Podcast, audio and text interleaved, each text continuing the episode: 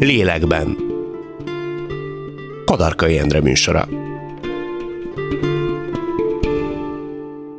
Köszöntöm Önöket újra itt a lélekben. A műsorban minden héten egy-egy pszichológiai jelenséget, betegséget járunk körül. Az a célunk, hogy amennyire csak tudjuk, az alapoktól közérthetően a látszólag evidens fogalmakat is tisztázva mutassuk be azokat.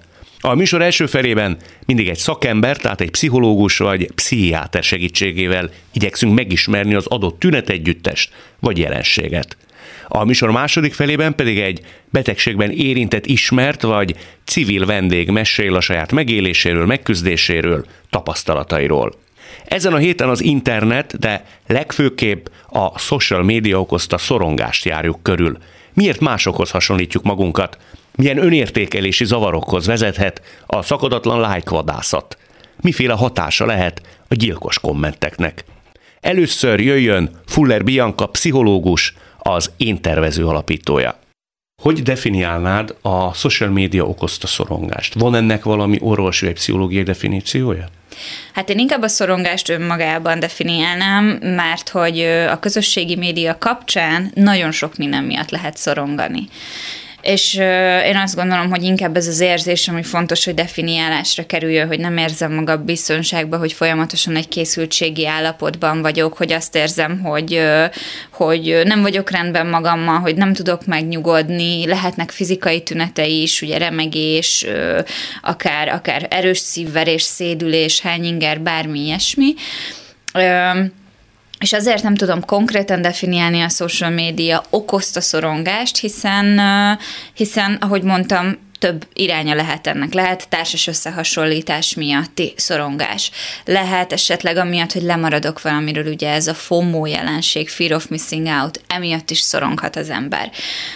De lehet az is, hogy az önbecsülésünk esetleg csökken a social média hatására, és emiatt szorongunk. Tehát igazából, ami szerintem fontos, hogy van önmagában ez a kiváltott érzés, ami a szorongás, és nagyon fontos megvizsgálni, hogy a social médián belül mi az, ami ki tudja váltani belőlünk ezt az érzést. Tulajdonképpen ez váltja ki a szorongást az érintettekből, vagy ezek az emberek alapjáraton is szoronganak, és tulajdonképpen a social média csak katalizátor? Hát erre szerintem nincsen fekete-fehér válasz, mert természetesen vannak olyan személyek, akik ö, kvázi temperamentumukból adódóan jóval szorongóbbak az átlagosnál, rájuk sokkal erősebb hatással lesz a közösségi média. Lehet, hogy ugyanazok a hatások egy kevésbé szorongó emberre teljesen másképp hatnak, és mondjuk egyáltalán nem is vált ki belőle szorongást. Ugye egyre inkább ebben kezdik, vagy kezdjük mérni az önértékünket. Talán uh-huh. így fogalmazható meg a legegyszerűbben, hogy mi váltja ki végső soron a szorongást az mhm. emberekből. Mindig kerestük mi a saját önértékünknek valami fajta platformját, vagy kibontakozását, uh-huh. vagy a Facebook, a TikTok és az Instagram hívta elő bennünk mindezt, mert én legalábbis a saját környezetemben csak ezt látom. Uh-huh.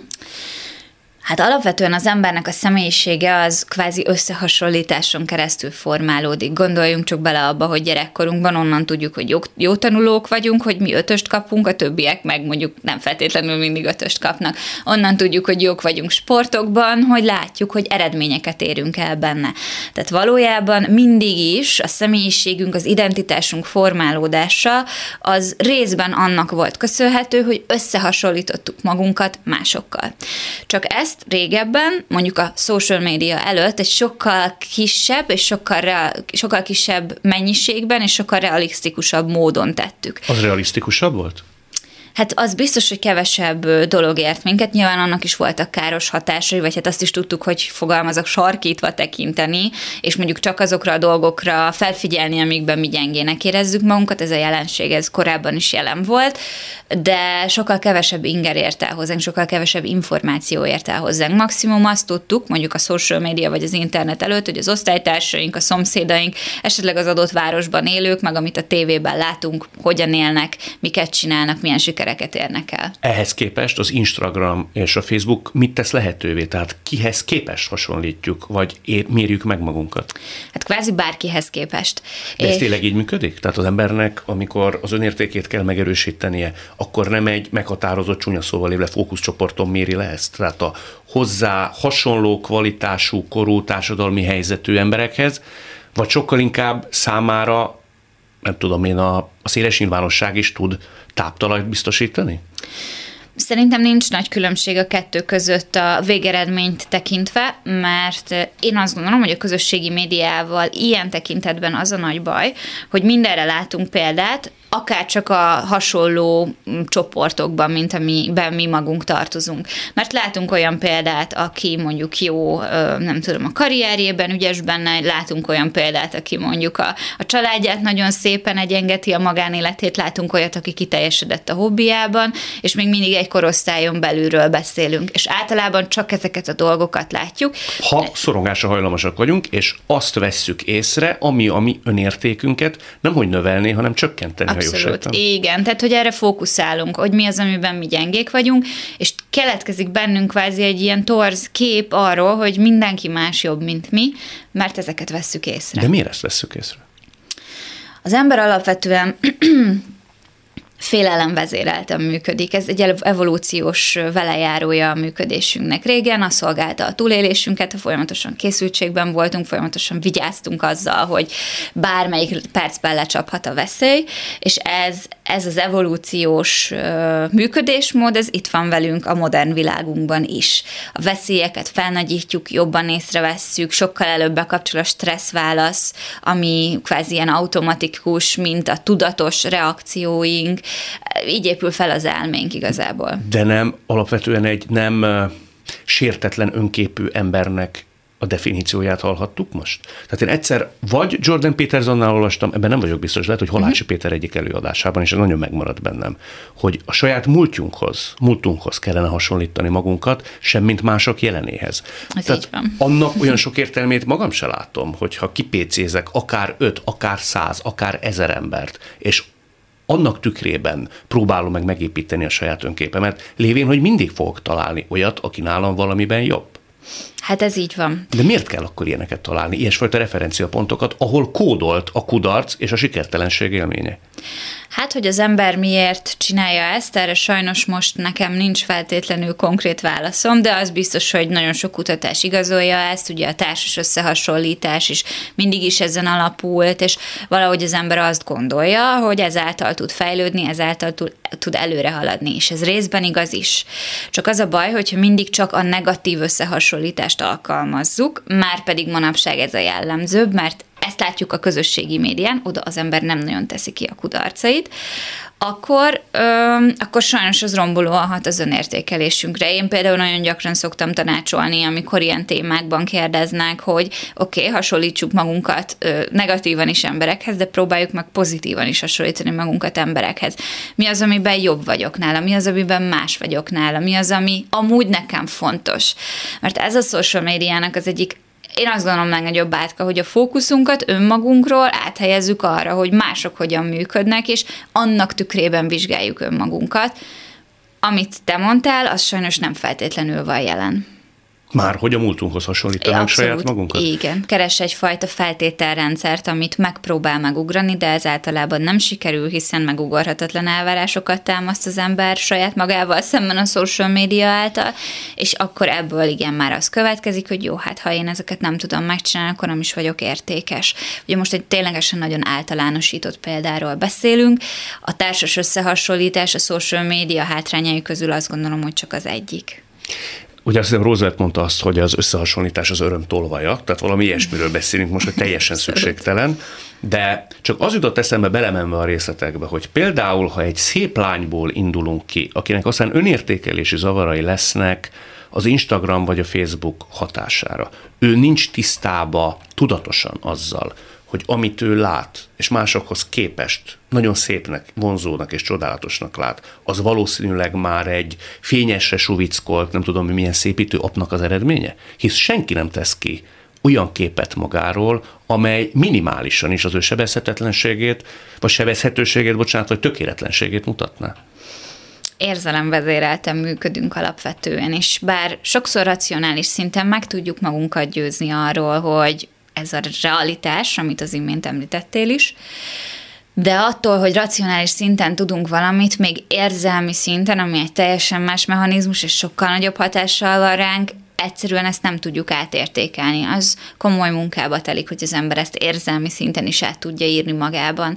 És ameddig érzelmi szinten, a mély hiedelmeink szintén ezt éljük át, hogy én nem vagyok értékes, nem vagyok elég jó, addig tudattalanul azokat a dolgokat fogom keresni, amik ezt igazolják. Ugyanis így működünk, hogy a hiedelmeinket igyekszünk folyamatosan igazolni. Magyarul azt mondod, hogy ezen emberek racionálisan és logikusan pontosan tudják azt, hogy egy előkészített, tökéletesen pallérozott világot látnak Abszolút. ők, de egész egyszerűen felülíródik bennük a saját démonaik által. Így van.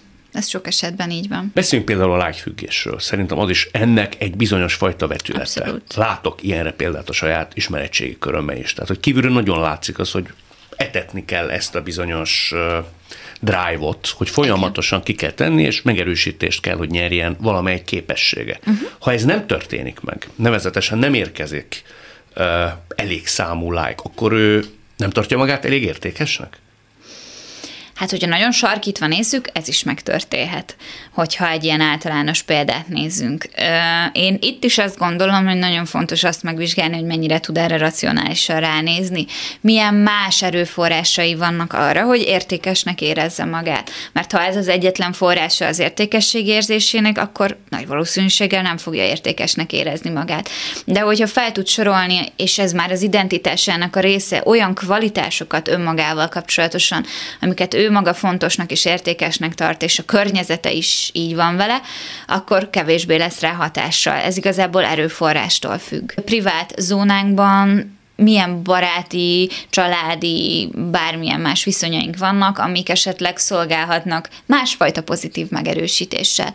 Például azzal, hogy hm, de jó, hogy meghallgat engem a másik, vagy milyen jó meghallgatni a másik felet, milyen jó azt érezni, hogy ő számít rám, hogy, hogy támogatjuk kölcsönösen egymást, hogy hallgat rám, hogy, hogy érdekli, amit mondok. Ezek ugye az emberi, kvázi, ahogy te fogalmaztál, privát interakciók, amik sajnos ö, manapság nem járnak akkor a dopamin lökettel, mint mondjuk egy like özön, amit sok esetben megkap az ember, és ez baj. De ha nem sikeredik kellő számú lájkot bezsákolni rendszeresen, és uh-huh. folyamatosan a sikertelenség élményét kell, hogy magán regisztrálja. Miért nem fordul más platformok felé, például a privát zónája felé? Hm. Hát ez nagyon érdekes kérdés. Én azt gondolom, hogy egy ilyen stressz helyzetben az ember óhatatlanul általánosságban beszűkül.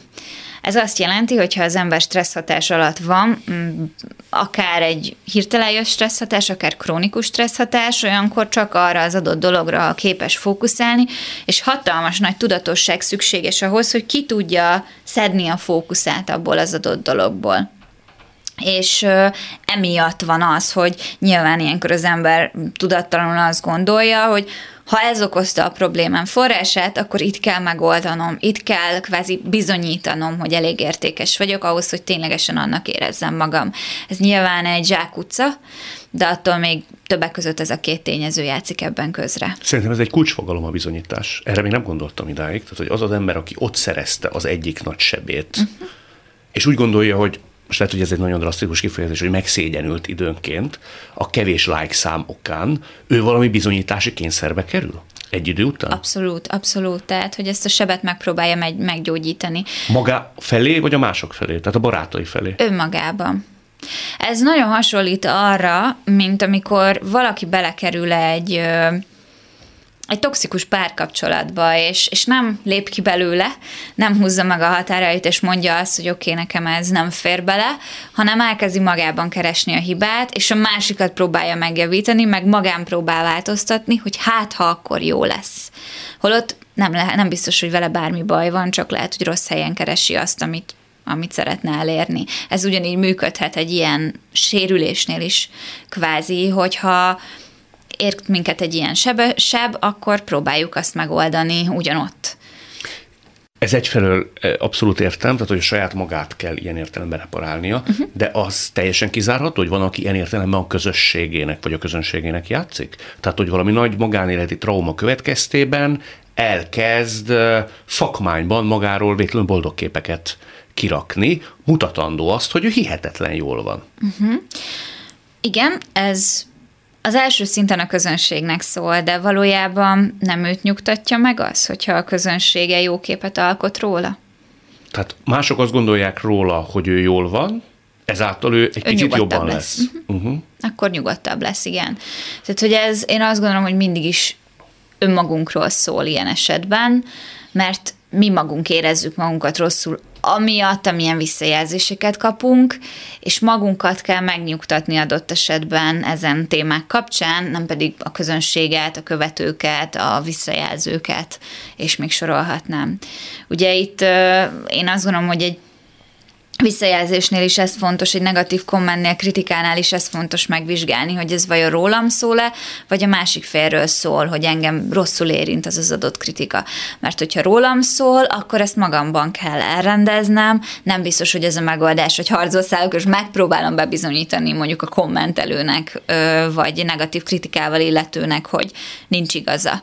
Ha a másikról szól, akkor szintén ugyanez a helyzet, mert akkor nekem nincsen dolgom vele de hogy ezek mind valahol az önmegnyugtatásról szólnak. De az is gondolom, akkor menjünk bele egy picit a kommentek, a negatív kommenteknek uh-huh. a természetrajzába, és hogy kit miképp érint mindez, hogy tudom, nagyon nehéz, és nem akarlak szakmunyatlan dolgokra rávenni, de valamilyen szinten lehet azt tipizálni, vagy definiálni, hogy hogy ez mi működik, akár csak a nyilvánosság előtt zajló, vagy ott élő emberek esetében, hogy van, akit száz rossz komment sem érint meg, uh-huh. lehet, hogy okoz neki három rosszabb percet, uh-huh. míg van az a típus, ismerek ilyet, hogy 99-en leírják, hogy valami egészen zseniális volt, amit művelt, és van egy, uh-huh. ami arról szól, hogy hát miért nem takarodsz a jó büdös fenébe. Uh-huh. Elrontja egy hetét, azaz egy, docára 99 pozitívnak. Hát alapvetően ennek a működésnek ugye azon a hátterében, hogy sajnos nagyon sok embernél működik egy ilyen kvázi negatív szűrő, ami a jó dolgok jelentőségét lekicsinyíti, a rosszakét pedig felnagyítja. Ez egy úgynevezett kognitív torzítás. A tíz legfőbb kognitív torzítás közül az egyik, ami jellemzi az ember működését, az annyit jelent, hogy az emberek így működnek, ezek a torzítások működnek bennük, olyan, mintha a gravitáció törvényei ellen szeretnénk sok esetben menni. És ez az egyik oka, hogy, az, hogy van, akinél aktív ez a torzítás, van, akinél pedig nem feltétlenül, mert mondjuk képes reálisan szemlélni a helyzetet. A másik pedig megint csak én azt gondolom, hogy oda vezethető vissza, hogy az ember mennyire stabil önbizalom tekintetében. Ugye ennek a következő lépcsőfoka, amikor az illető elkezd vitatkozni a totális baromságokat író kommentelővel.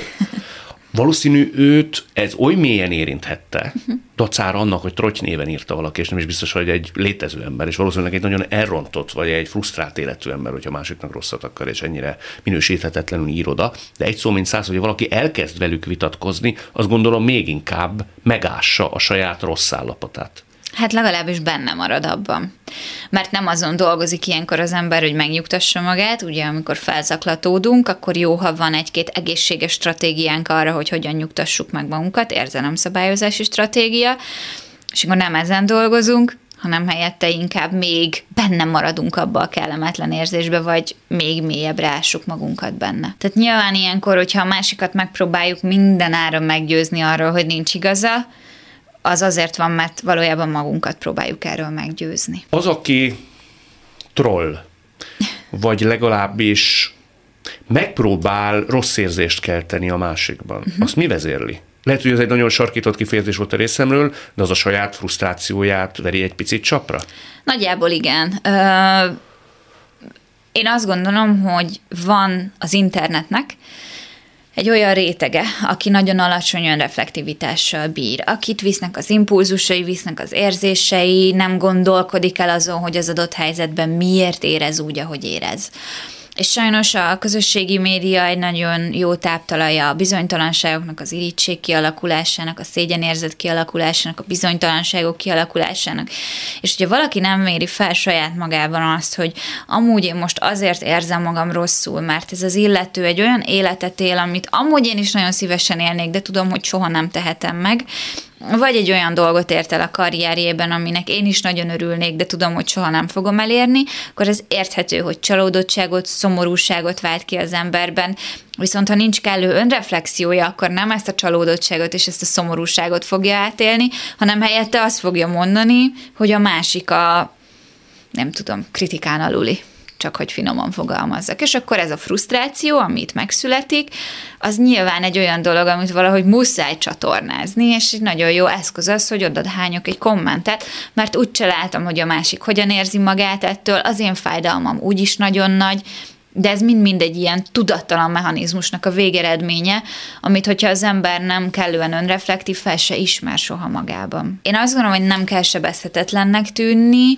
nem kell úgy csinálni, mint hogyha ezek a visszajelzések nem érintenének bennünket rosszul, ha valójában így van. Mert nagyon sokszor, hogyha megmutatjuk ezt a sebezhetőségünket, akkor a másik fél is, aki mondjuk a kommentet adta, egy pillanatig belegondol abba, hogy milyen érzést keltett az illetőben. Ebbe te biztos vagy? Én nem ezt tapasztalom. Nagyon gyakran előfordul. Még de... mélyebbre akar szúrni. Ó, oké, hát akkor biztos, hogy sokan vissza is élnek ezzel. Igen de ettől függetlenül önmagunkban nagyon fontos felismerni ezt a sérülékenységet, és megkeresni azokat az erőforrásokat, ami lehet baráti támasz, lehet egy szakember segítsége, lehet, nem tudom, egy figyelemelterelő hobbi, bármi, ami meg tud ilyenkor bennünket nyugtatni, és nagyon fontos ránézni, és nem pedig elkerülni, vagy elmenekülni előle. Van arra nézve valamifajta kutatás, vagy általános tapasztalatod, hogy mit tud okozni egy olyan ember esetén milyen következményekkel jár mindez, aki teljesen saját tengelye körül kezd el forogni a negatív hatások következtében. Tehát elkezd szorongani az internet vagy a social média nyomán. A depresszió például majdnem minden cikkben előfordul. Tudunk depressziósak lenni emiatt? Abszolút. Orvosi értelemben depressziósak, vagy csak hangulatingadozásokat hív Orvos, elő? Orvosi értelemben is. Ö- előfordulhat az, hogy hát ugye a depressziónak az egyik legnagyobb vezető tünete az a kilátástalanság, a motiválatlanság, az indítékszegénység, ez az érzés, hogy hát nincs értelme igazából semminek, mi értelme van bármit is tennem. És hogyha az ember bele merül egy ilyen negatív spirálba, hogy mindenki másnak milyen jól megy, nekem meg nem megy semmi, az vezethet depresszióhoz, vezethet kilátástalanság, vagy hát igen, vezethet kilátástalansághoz, motiválatlanság, fogyatékossághoz, és súlyos esetekben klinikai értelemben vett depresszióhoz is.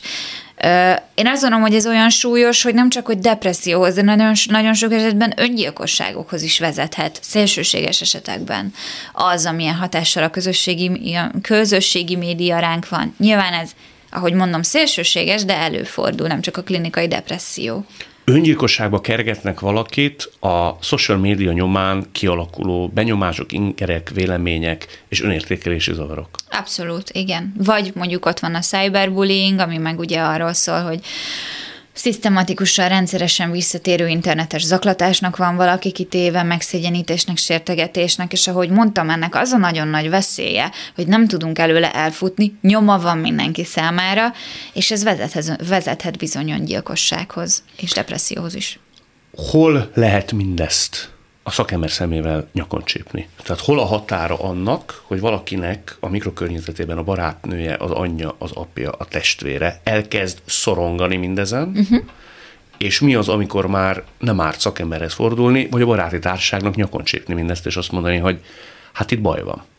Szerintem ez nagyon jól megfigyelhető abban, hogy mondjuk egy privát beszélgetés során mennyire fókuszál a közösségi médiára, mennyire azt telíti ki a napjait, a témáit, az érdeklődési köreit.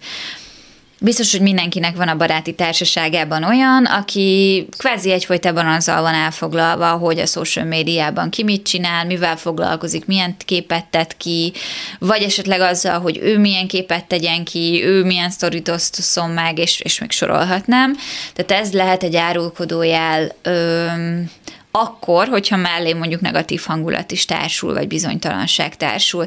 Ilyenkor igazából abban kell segíteni ezen a belépő szinten kvázi, hogy egy kicsit a fókuszát, a perspektíváját próbáljuk ennek az illetőnek kibővíteni, hogy a social médián kívül is van világ. Végezetül egyet mondj még meg, szerinted visszarendeződik-e még a világ valaha az Instagram, Facebook és Twitter előtti, vagy uh-huh. TikTok előtti időszakban? Tehát lesz olyan, amikor nem hasonlítgatjuk magunkat ennyire. Nem leszünk ennyire kitettek a social médiának. Um, szerintem tanuljuk jelenleg jól használni ezeket a platformokat. Én alapvetően azt gondolom, hogy mindenben úgy működik a világ, hogy eltolódunk az egyik szélsőségbe, aztán eltolódunk a másik szélsőségbe, és utána jön egy kis kiegyensúlyozott időszak. Én most azt látom, hogy abból a szélsőségből, amiben mondjuk pár évvel ezelőtt voltunk, már elkezdtünk visszafelé jönni a kiegyensúlyozottság felé, mert ahogy mondtam, megjelenik egyre több testpozitív oldal, egyre kevesebb filtert használnak az emberek, egyre inkább újra a természetesség, a kvázi a nyers fotók kitétele az, ami jobban megy, úgyhogy én bizakodó vagyok, de ettől függetlenül szerintem az évek munkája lenne, és egy nagyon nagy kvázi társadalmi szintű önismeretfejlesztés munkája lenne, hogy ez vissza tudja rendeződni, abba az időben biztos, hogy nem fog visszarendeződni, mint ezen platformok megjelenése előtt volt. Hát ez nem hangzik valami biztatóan. Én ez reménykedem benne, hogy ez megtörténik pár éven belül. Én bízom az emberiségben is abba, hogy megugorjuk ezeket az akadályokat, úgyhogy bizakodó vagyok. Nagyon szépen köszönöm, hogy itt voltál. Én is köszönöm.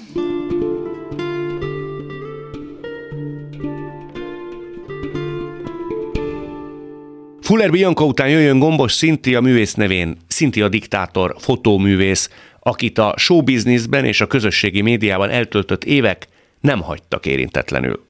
Szerinted neked az ismertség hozta meg az internet által a szorongást, vagy alapvetően volt rá erős hajlamod? Fú, annyira durva, mert annyira régóta vagyok úgymond ismert, olyan kiskoromtól kezdve ez kialakult, hogy, hogy nem tudom, hogy mi volt az előtt. Ugyanis amikor tizen 14-15 éves voltam, akkor regisztráltam a MySpace nevezető oldalra, és akkoriban ott a MySpace-en is lehetett így egy bizonyos szubkultúrán belül híressé válni, és akkor már ott azért nagyon sokan felismertek, eléggé ö, feltűnő volt a stílusom, ilyen rózsaszín hajam volt, meg ö, hát ö, nem, nem annyira olvattam bele így a, az átlag tizenévesek közé, úgyhogy nagyon feltűnő voltam. Ebből adódóan nekem már akkor volt egy ilyen enyhe ö, paranoiám, főleg, hogy 16 évesen engem megvertek Újpesten. Az utcán? Az utcán, szombat délután egy órakor. Ezért emiatt nagyon kiskoromtól kezdve kialakult az, hogy féltem. Vagy De így, miért bántalmazta? Csak azért, mert feltűnően néztem ki. Egy és három óra között a Újpest központi aluljáróba beszóltak, utána jöttek, és a villamos megállóba meg ájulásig vertek. Ájulásig? Uh-huh. Úgyhogy ezt egy húsz ember nézte végig ott a villamos megállóba, és senki nem segített. De miért nem segítettek szerinted? Szerintem féltek. Hát ez egy ilyen banda volt, rossz arcúak voltak, vagy nem tudom, tehát látszott, hogy balhés fiatalok, és senki nem segített. És nekem talán on, ott kezdődött ez a, akkor onnantól kezdve így egy kicsit rejtőzködőbb lettem. No, de amikor ismert lettél, és bekerültél a social médiába, és nagy fénycsóvával, akkor azért emlékeim szerint nem kiméltek. Nem. Megosztó voltál. Nagyon. Ez nagyon megkarcolt téged? Ö, őszintén szóval nem, nem igazán értettem, hogy miért, miért váltok ki ilyen gyűlöletet emberekből, amikor tulajdonképpen én úgy éreztem, hogy nem csináltam semmi rosszat. Provokáltál azért. Annyiban talán igazat adsz nekem, hogy voltak erőteljesebb vagy hangsúlyosabb akcióid vagy akcióitok akkor. Tehát, hogy váltott ki reakciót uh-huh. az mhm. emberekből, pozitívat vagy negatívat? Ö, annyira furcsa, mert így visszatekintve nagyon hangosan éltem a magánéletemet, ami lehet, hogy probléma volt. Számomra így visszatekintve problémás, tehát nem, már nem csinálnám úgy, ez teljesen nyilvánvaló, de közben meg nem bántottam embereket, nem, nem voltam erkölcstelen, én úgy éreztem, hogy nem, nem mutattam rossz példát, szóval egyetemre jártam, tényleg szabálykövető módon éltem, hogy valahol mégis volt bennem egy ilyen diszonancia, hogy de most miért? Azért, mert, mert mondjuk szerepelek ilyen szórakoztató jellegű műsorokban, hogy, hogy mivel vagyok rosszabb bárkinél, aki ezt csinálja. Akkor még nem gondoltuk annyira át szerintem, hogy az internetnek milyen következményei vannak, vagy a, vagy a tévének, hogy, hogy akkor még, hogy reality show-t forgatok, akkor az, az, abban nem gondoltam, hogy az internet az nem felejt, az ott lesz, hogy az emberekbe olyan szinten beleégek azzal, hogy minden, minden egyes este főműsoridőben látják az életemet, hogy ezt így, ezt, ezt majd még így tíz év múlva sem fogom tudni ö, elfeledtetni. Mi volt mindennek az ára? Miket hát az... kaptál? Mi volt az, ami úgy igazán elkezdett téged szorongatni? A kommentek? Ö, például az, hogy volt, két életem volt. Az egyik életem volt az egyetemen, az egyetemi közegben, ahol, ahol nagyon jól éreztem magam, és ahol úgy éreztem, hogy ez autentikus, ez vagyok én, ahol értékelik azt, amit csinálok, és, a, és egy olyan közeg vesz körül, akiktől tanulok, és, és a másik, ami pedig a média, média pedig ebbe a nagyon naív, nagyon buta ö, szerepbe tett, és, és nagyon sokan, nagyon agresszíven ö, Hát gyűlöltek nagyjából. Ez hol nyert teret? Megírták hát, neked? Meg, hát a kommentekben láttam kommentekben. nyilván, igen. És te azt olvastad? Az a baj, hogy tehát, ö, most sem olvasok konkrétan úgy kommenteket, hogy leülök és kommenteket olvasok, de vannak olyan, vannak olyan kommentek, amivel nem tudok nem szembesülni, vagy vannak olyan ö, pillanatok, amikor talán megtalál. Tehát így konkrétan nem ülök le, hogy kommenteket olvassak, de, de ugye akkoriban is azért volt egy-két dolog, ami így megtalált. Mivel bántottak? Hát nyilván mindenki nagyon csúnyának tartott. Ugye ez mindenki, volt... azért az lehet, hogy túlzás. Jó, túlzás, de akkor a kommentelők nagy része mindig leírta, hogy hogy lehetek ennyire undorító, guztustalan, féreg, sovány, csúnya arcú, kiállófogú, nem tudom, mindig volt valami, ami miatt én ocsmány voltam, amiatt a halálomat kívánták. Olyan is volt. Olyan is volt, hogy azt is mondták, hogy bár belehaltam volna a betegségembe. De amióta te feltűntél a nyilvánosságba folyamatosan, a külsőddel megtalálnak? Igen. Neked eladdig volt jó nő tudatod? Nem. Nem, egyébként nem, tehát előtte se volt. Engem ez nem zavart, mert addig nem, nekem ezzel nem kellett úgymond negatív értelemben szembesülni. De miután írták azt, hogy milyennek látnak, Igen. és gyaláztak a külsőd miatt, ez a nőiességeden egy nagy csorbát azért ejtett, nem? Ö, volt egy bizonyos szintű bizalomhiányom, de szerintem mindenkinek van. Ö, egyébként én nagyon könnyen meg tudtam nyugtatni magamat azzal, hogy, hogy de hogy jó ember vagyok, és hogy ez, ez, ez mindig ez mindig át fog mindenen segíteni, és az az érzés volt bennem, hogy aki majd velem lesz, ő neki majd ez jó lesz, mert nagyon sok rossz ember van a, a világban, és hogy, és hogy ezt tartotta bennem úgymond a lelket. Meg szerintem... Meg én... nagyon neki tudták eseredni egy-egy ilyen komment folyam után? Hát azért az nem lehet kellemes, az A kérdés volt, amikor egy fiatal lányra azt írják, hogy nem szép, és az folyamatosan le van írva, Igen. nincs olyan éplelkű ember, akin az ne ejtene valami sebet. Most egyébként így gondolkozom, és valahogy az van bennem, hogy, hogy, hogy sokkal inkább bántott például az, hogy butának tartanak.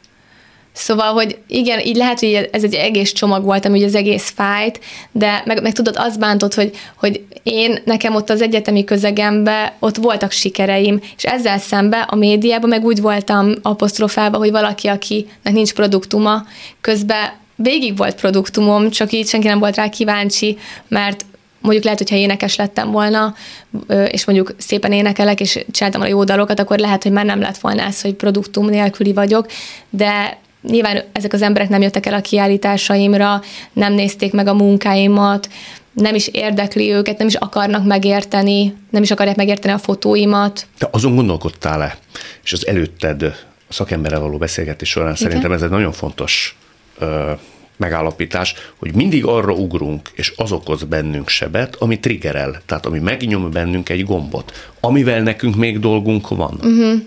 Tehát, hogyha valaki Igen. azon kezd el gondolkodni, hogy őt nem látják szépnek, és ebben nagyon belekeseredik, akkor valószínűleg ilyen értelemben még kihívások várnak rá Aha. saját magával kapcsolatban. Az az igazság, hogy én nagyon erősen ö, diszlexiás voltam, meg ADHD-s, szóval figyelemzavaros, meg, ö, meg minden, minden ami, ami ezzel kapcsolatos ilyen tanulási nehézség, és én egész általános iskolás éveimet, meg a gimnázium éveimet, és végigküzdöttem azért, hogy aztán egyetemre járhassak, és megcsináljam a két diplomámat, és nekem ez tényleg, ahogy mondod, és tök jó, amit mond a pszichológus, nekem ez egy olyan dolog volt, amire egész életemben küzdöttem. És ezt nyomták és meg, ez, ezt mondták És kétségbe. ezt a gombot nyomták meg igazából, és én nem is azt mondom, hogy annyira okos vagyok, meg tehát nem erről van szó, csak csak ez az én harcom, és, és én mindig teszek azért, hogy, hogy ebbe jó, hogy, mind, tehát, hogy hogy képezzem magam, hogy okosabb legyek. Tehát nem azt mondom, hogy okos vagyok, hanem hogy teszek érte. Ez egy jó szó szerintem fontos szó. Az Igen. a te harcod. Igen. Ez az én harcom. Tehát a sok energiát tettél benne, Igen. küzdelem van emögött, és ezt vonják kétségbe.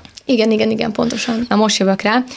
Ö, amikor már teljesen szétestem, 38 kilóra fogytam, és tényleg akkor ö, sajnos bekerültem a pszichiátriára, és amikor onnan kijöttem, akkor, akkor le lett vágva a hajam ilyen egy-két centisre, mert hogy már akkor úgy éreztem, hogy már annyira nem érdekel semmi, és nem akarok, nem akarok senkire megfelelni, és így csak is szabad szeretnék lenni, így a, a hát a külső, a külsővel kapcsolatos elvárások alól, az, ahogy ugye akkoriban jöttek be nagyon durán ezek a filterek, hogy mindenki izé szexi kiskutya, meg szexi kis cica volt a Snapchaten, aztán ugye egyre jött ez a picike orr, nagy szem, nagy száj, filter, miből nyomva a fej, stb. te erre akartál, vagy ennek akartál mutatni egy fityiszt, hogy hát Igen, és én arra mond, azt gondoltam, hogy itt tényleg így, na, érted?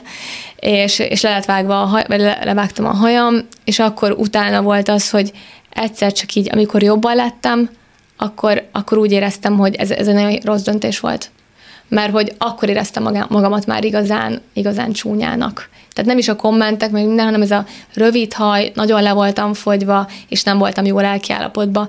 És az volt, hogy azt, azt éreztem egy ponton, hogy meg akarok gyógyulni. És sőt, még azt is éreztem egy ponton, hogy ennél még az is jobb lenne, ha filtert használnék. És nem próbálnék ennyire minden ellen menni. Hm. Hát nyilván ez egy dacreakció volt. Ez egy dacreakció volt. De mondtad, hogy lefogytál 39 kilóra. Hát nagyjából. A kommentek, a támadások nyomán volt az, hogy te elkezdtél nem enni? Nem, de hogy is. Nem, nem, nem, nem. Amúgy is hajlamos voltam rá, mindig, hogy lefogyjak, tehát én stresszfogyó vagyok. Az mit jelent? Hát, hogyha ér valami rossz, akkor én lefogyok. De egyébként ha, ha nagyon dolgozok valamin, akkor is, mert elfelejtek enni, szóval alapból nem vagyok egy túl jó evő, egyrészt. Ér valami rossz kudarcélmény, akkor azt te úgy gyászolod meg, hogy, hogy nem eszel. Hogy össze, ne, hát összeszorul a gyomról, nem tudom, biztos te is éreztél már hasonlót, persze, hogy, persze. Hogy, hogy egyszerűen nem, nem bírsz enni, és, és hogyha ideges vagyok, vagy valamiben nagyon benne vagyok, akár így rá vagyok koncentrálva, vagy dolgozok, mondjuk, akkor vagy egy napig sem eszek, mert annyira benne vagyok abban a munkafolyamatban, de ugyanezt, hogyha valami rossz történik, akkor is, ö, akkor, akkor is nehezebben eszek. Szóval ö, meg hát nem tudom, szerintem ezt ismerjük, hogy, hogy az embernek csomószor a gyomrára megy az ideg. Amúgy vannak olyan emberek, akik például sokat esznek, ha idegesek, szóval, hogy szerintem ebben semmi ö, egyedi nincsen.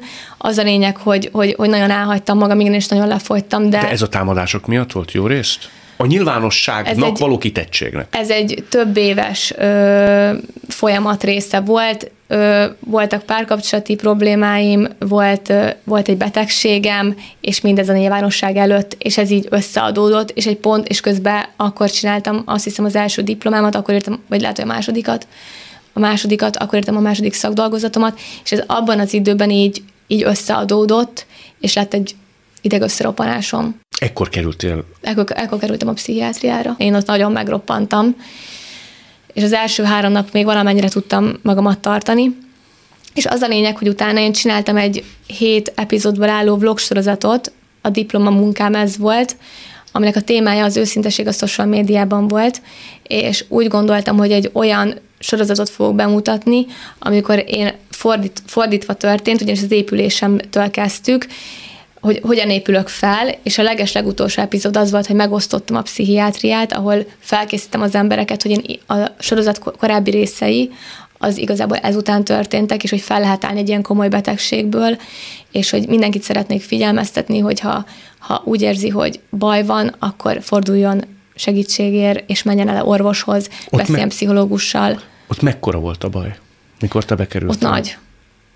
Ott nagyon nagy. Tehát nagyon rossz gondolataid voltak, nagyon. elöntöttek a démonok. Igen. Igen. A mai, nap, mai napig úgy gondolom, hogy az volt a, a legnehezebb időszak az életemnek, és a legbüszkébb vagyok arra, hogy abból felálltam. Hmm. És el se hiszem, hogy tudtam, egy, tudok egy egészséges ember lenni azóta. Ez szerinted minek köszönhető? A te akaraterődnek? A családom és a barátaim.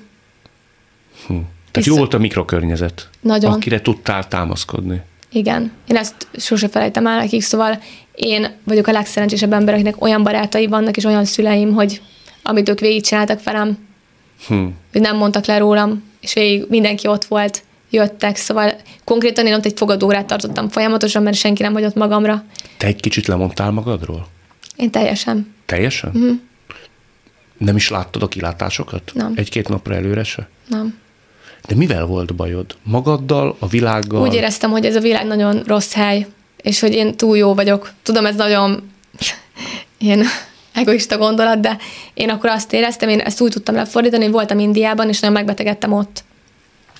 43 fokos lázzal jöttem haza, tolószékbe toltak ki a repülőből, és akkor én úgy éreztem, hogy én olyan, mint hogy az egész világ India baktérium forrásával lenne tele, én meg egy európai emberként ezt nem bírom, és, és minden, úgy éreztem magamat, mint egy hártya, ami, ha jön egy szél, átszakadok. Hogy így nagyon-nagyon gyenge voltam. Akkor ott milyen felismerésekig jutottál a kommentekkel és a social médiával kapcsolatban? Ö, hát ez az az igazság, hogy ezek a dolgok nem változnak. Az, emberek, az, mert, hogy az emberek mindig gonoszak lesznek az interneten arctalanul, mai napig is kapok sok gonoszat, de ha elolvasom, mai napig rosszul esik.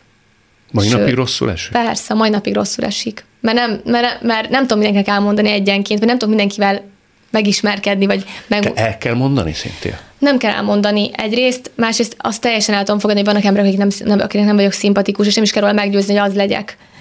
Csak, hát hogy mondjam, ma, nem, maga ez a rendszer egyébként, most ha magamat ki is veszem ebből az egész képletből, az, hogy ma jelenleg a fiatalok 13-14 éves koruktól kezdve fent vannak a TikTokon és ők nem kell, hogy, nem kell, hogy ismertek legyenek országosan, éppen elég, hogy a saját kis mikrokörnyezetüktől mit kapnak, akár az osztálytársaiktól, vagy hogyha ki ö, kinövekednek ebből a, a kis környezetből, mert a TikTokon nagyon könnyű híressé válni, akkor ők hogy szembesülnek ezzel. Szóval engem ez most már inkább talán a koromból adódóan is nem azzal foglalkozom, hogy most én hogy fog ezeket a kommenteket, hogy, ö, hogy dolgozom fel, hanem az, hogy vannak gyerekek, akik érted, öngyilkosak lesznek emiatt hogy milyen megbélyegzéseket kapnak.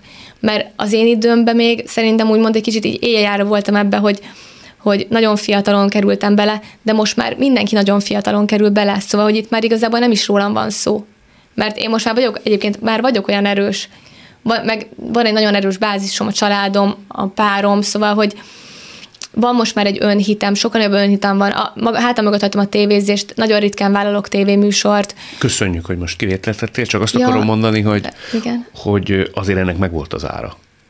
Megvolt az ára, de én azt gondolom, hogy akkor volt ennek az egésznek értelme, hogyha ezt, ha ezzel egy picit tudok segíteni, valamit tudok adni ezzel, hogy Mit a tapasztalataimat. Nekik? Hát, ha látja ez pár TikTokon felnövő, vagy a TikTokkal kacérkodó fiatal lány, vagy fiú az, hogy nagyon, nagyon ö, erős ö, határokat kell magad köré építeni, hogy ö, hinned kell önmagadba. Igazából tudom a legnagyobb közhely, de a közhelyek azért vannak, mert sokan érzik ezt, és, és tényleg ez van, hogy annyira sok rossz indulatú, unatkozó ember van, és nem azt gondolom, hogy irigy, mert nem gondolom, hogy az én életem annyira csodálatos és csillogó lenne, hogy rám bárkinek irigynek kéne lennie, de hogy így a saját fájdalmaikat úgy próbálják enyhíteni, hogy belerúgnak másba.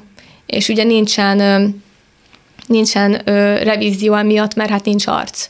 Szóval hogy ezt nagyon, nagyon erősítenie kell magában annak, aki ilyen helyzetben van, hogy itt tud, hogy, hogy az ő véleményünk nem releváns. Ezt magadnak is mondogatod? Magamnak is mondogatom. Azóta is? Persze. Meg a párom is mondogatja nekem.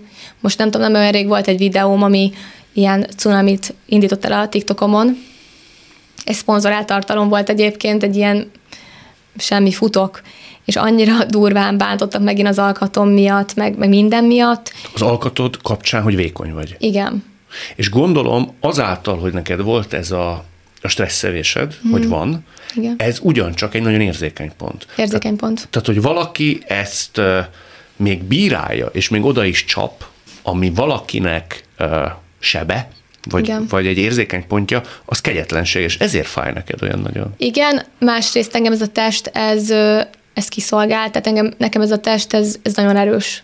Ez meggyógyult, meg sok minden átmentünk együtt a testemmel, ez most így lehet, hogy kicsit ö, furán hangzik, de én szeretem a testemet, és én nem látom ezt, a, nem látom magamat egy problémás, hibás embernek.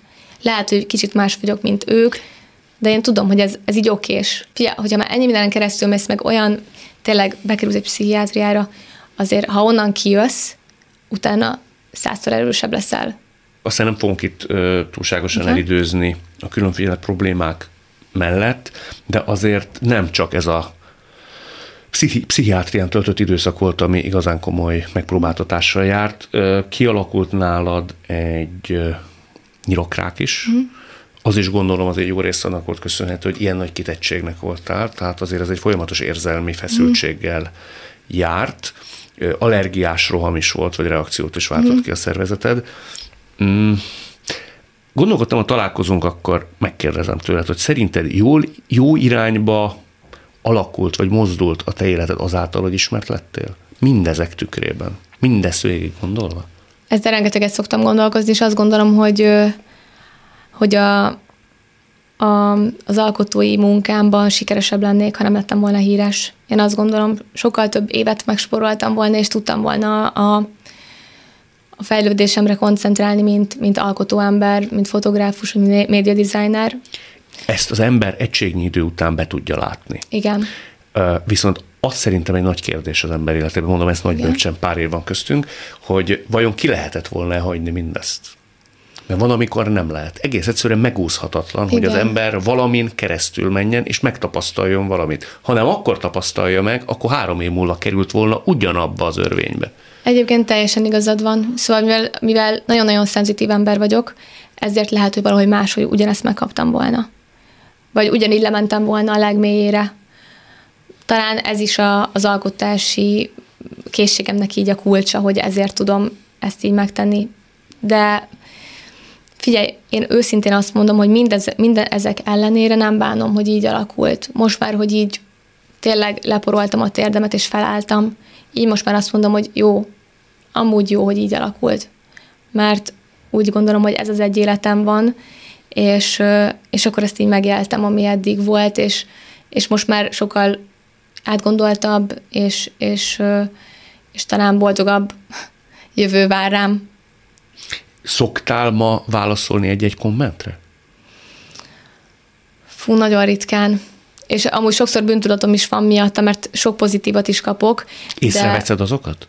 észreveszem azokat, amikor mondjuk pont így ráolvasok, hogyha egy képem alatt még van három-négy komment, akkor el szoktam olvasni, de amikor már látom, hogy így mondjuk a TikTok, a TikTok az az, ahol nagyon sok komment jön, én ott már így nem szoktam olvasni, meg amikor mondjuk olvasom is, mert nagyon sok bíztató jön, annyira sok jön ott, hogy nem, egyszerűen nem tudok válaszolni, mert nem tudom, hogy mely, most kinek válaszoljak, mert hogy tényleg annyira rengeteg.